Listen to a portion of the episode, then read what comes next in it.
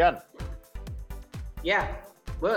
hari ini kita akan bahas salah satu topik yang ditanyain sama eh, gua. Gue gue tuh paling males kalau temanya kayak gini nih. Ini bisa ujung-ujung konsultasi gratis soalnya. Biasanya sih gitu. Soalnya kan salah satu gini loh, maksudnya gini ya, lu mesti bersyukur kenapa? Karena em, ada gua yang mempercayakan skill lu sekalipun dia nggak jago-jago banget gitu loh. Mungkin kalau di rumah sakit kan lu kan nggak terlalu dipercaya sebetulnya. Nah sekarang kan lu ada gua yang bisa percaya sama lu, jadi lu lumayan terangkat lah sebetulnya harkat dan martabatnya. itu kan kata-kata itu kan kata-kata di depan doang. Selesai rekaman juga lu kocek lagi kata-kata gue. Yan, dulu ya, em, eh, dulu kata-kata ini bukan populer. Dulu, dulu kan eh, orang nggak tahu ini. OCD namanya. Eh, apa tadi namanya? Udah lu briefing tapi gue lupa. apa tadi OCD masanya kepanjangannya? Eh, obsesif. Obsesif, kompulsif, disorder. Nah, Kalau kalau dulu kan kata-kata ini nggak happening. Dulu kan hanya berpikir lu kurang kerjaan banget sih. Misalnya, buat teman-teman yang nggak tahu, lu punya meja nggak rapi gitu ya, kotak pensil lu, lu mesti rapiin gitu. Atau lu punya keset nggak rapi, lu mesti lurusin. Dulu orang pikir itu tuh kurang kerjaan gitu. Kayak apaan sih gitu doang nggak penting gitu. Nah sekarang ternyata ada istilahnya. Ternyata gua nggak tahu ya, apakah ini disebut penyakit hmm. atau ini disebut kelainan atau ini suatu hal yang normal sebetulnya dalam kadar tertentu. Karena gue merasa gue lumayan OCD untuk beberapa hal gitu. Misalnya Mhm. eh, suasana rumah yang nggak rapi atau hal-hal perintilan yang menurut gue sampai jadinya eh, terlalu mikro mi, micromanagement ya. Jadi akhirnya ganggu waktu dan segala macam. Mhm. Gue nggak tahu apakah setiap orang punya ini atau ini berupa kelainan atau ini berupa penyakit gitu. Boleh lu jelasin ya soal OCD? Oke. But, tapi sebelum gue mulai ya, sebenarnya OCD itu udah mulai agak terkenal sekitar 4-5 tahun yang lalu. Cuma beda aja konsepnya. Oke. O- obsesif compulsive diet. Nah, Oh ya. ingat nggak? Ingat, ingat, ingat. Benar, tapi benar. memang memang memang iya kan benar kan tapi biasanya memang sebenarnya kepada obsesif compulsive disorder ini sebenarnya base-nya Oh, iya, gitu. Nah, gue gue gue setuju banget semua orang itu kalau menurut gue ya mungkin banyak banget yang ngalamin hal ini gitu. Cuma Oke. karena kadarnya minor, jadi kadang-kadang udah dianggap aja itu sebagai kebiasaan biasa Oke. aja Ya. gitu. Ya benar gak? Betul. Nah, buat teman-teman sobat hati, obsesif kompulsif disorder ini nggak cuma terbatas pada posisi aktivitas, tapi lebih kepada suatu hal yang harus dilakukan bisa sampai berulang-ulang. Oke. Kalau lu nggak lakukan, lu tuh nggak tenang. Nggak tenang itu dalam tahap tertentu. Jadi ada yang ringan, cuma paling keganggu sebentar. Terus habis itu kalau misalnya lu selalu, selalu melakukan aktivitas lain, lu lupa, lu bisa lewat gitu aja, lu bisa move on ibaratnya gitu. Nah ini masih ma- masuknya ringan. Tapi ada juga kan sampai pikiran. Lakuin sama sekali dia nggak bisa aktivitas yang lain. Dia benar pikiran dia harus kita terus kita ini I Nah. contoh kecil buat sebenarnya banyak banget kalau di rumah. Dan gue sendiri juga termasuk kalau menurut gue ya gue ada sedikit lah sedikit OCD gitu. Jadi gue tuh biasanya adalah pada saat ngecek pintu. Nah ini gue rasa juga mungkin ada beberapa orang ya. Jadi pintu nih pada saat lu udah kunci lu suka lupa. Nah. lupa lupa dalam tanda kutip. Merasa kayak gue udah ngunci nggak ya? Gitu. Padahal tadi udah ceklek gitu udah deh gue balik pastiin gue buka dulu pintunya bener gak pernah kayak Iya. gitu gak Enggak, enggak, enggak. Kalau itu lo emang pikun aja. kunci lu mesti mobil ngaku, lu mesti ngaku lu udah tua, emang lu kekurangan vitamin, lu agak pikun. Kalau itu bukan OCD, itu pikun aja. Tapi ya terusin ya. kurang ajar gue gak nyangka itu jadi ya. pada ibaratnya dia sudah melakukan sesuatu tapi dia belum Ya, ya. pastikan kembali apakah dia sudah ngecek ngelakuin itu atau belum Ya. ada beberapa orang yang misalnya isi mematikan lampu Ya. Iya, tapi enggak ya yaudah deh gue balik lagi Balik lagi untuk ngecek. Iya, oh iya. iya udah, udah nah kayak gitu itu sebenarnya emang OCD dalam praktiknya tapi I see. kalau misalnya ada gue jadi pernah dapat eh, ini ini gue pengalaman pribadi gue tapi gue dapat cerita cerita bahwa orang itu dia harus mematikan dan menyalakan lampu tujuh kali sebelum keluar dari kamar Untuk make sure dia udah, udah gue udah mati ini bener nih gitu. enggak karena Oh. menurut dia kalau sampai dia nggak ngakuin hal gitu dia bakal kena sial gitu Waduh, I see, oke.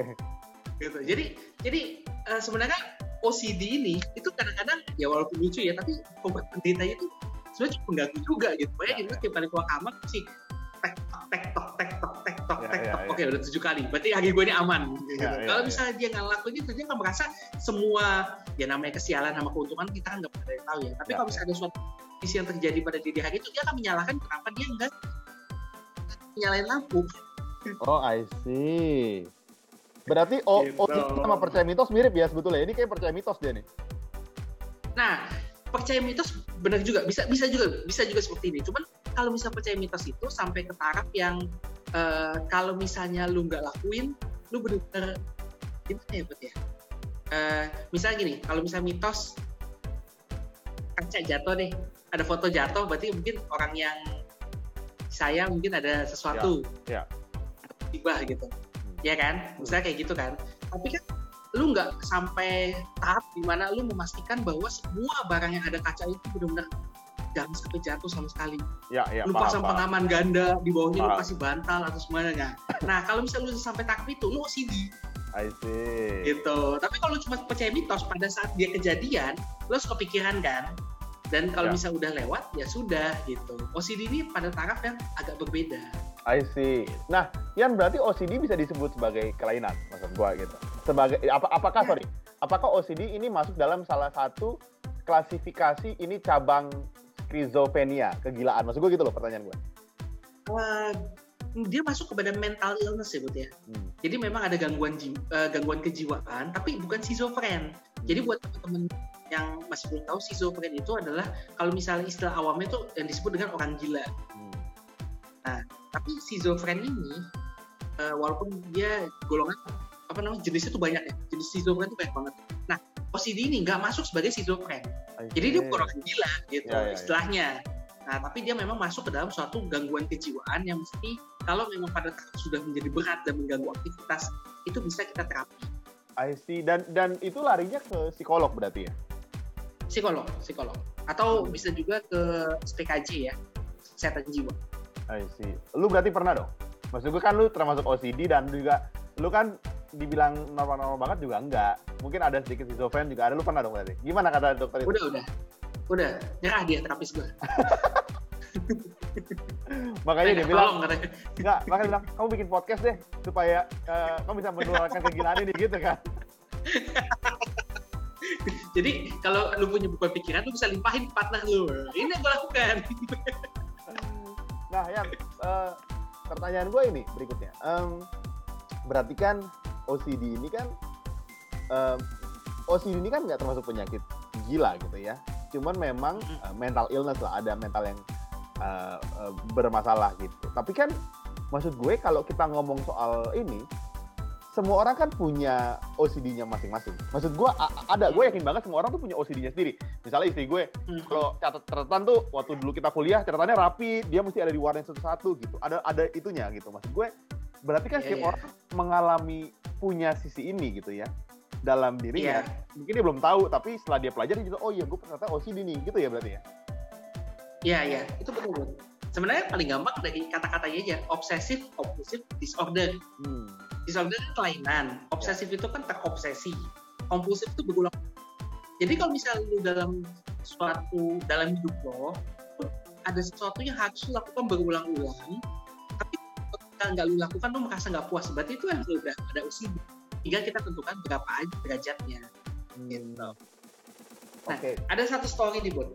Jadi eh, kenapa kita juga ngebahas OCD ini karena ternyata eh, karena ada artis ya, karena ada artis yang mengakui bahwa dia mengalami OCD, makanya mulai ada booming, mulai orang mempertanyakan fans fans jadi cari informasi Apa dia nih, mengenai ya? OCD ini apa gitu.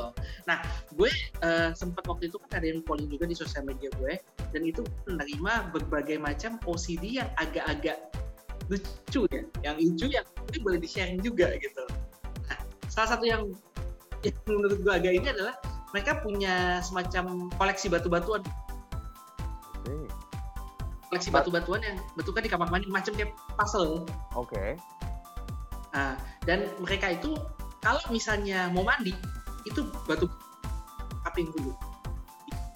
Jadi dia nggak akan mandi kalau sebelum tidur apa batunya itu belum rapi oke oh, got it, got it. Agak lucu juga ya nah nah terus habis itu cerita yang lain adalah ini juga eh, salah satu penyebab OCD itu bisa juga karena trauma ya Hmm. Jadi ada orang yang OCD untuk cuci tangan semenjak pandemi COVID. I see. Ya ya ya, make sense. That make sense. Nah, jadi setelah dia terinfeksi COVID, mungkin uh, pada saat itu dia dikasih ya, tapi gejalanya sih kalau menurut gue sih antara sedang berat ya. Hmm. Jadi rasanya nggak enak banget, nggak nyaman buat dia, dan dia nggak mau ngulangin kejadian itu lagi. Hmm. Nah, itu menyebabkan semacam trauma, trauma pada diri dia, menyebabkan dia jadi OCD, dia harus cuci tangan. Nah, itu kebiasaan bagus tentu aja gitu. Cuman cuci tangan dia itu jadi agak sedikit eh, apa namanya, agak sedikit berlebihan ya gitu. Jadi Ya, ya. dia merasa misalnya lagi ngerjain ke- kegiatan, nggak bisa apa-ngapain nih ngerjain kegiatan gitu. Tiba-tiba dia merasa, eh, kayaknya gue udah lama deh nggak cuci tangan. Aduh, gue Ya, mesti cuci tangan, udah cuci tangan. Kayak gitu.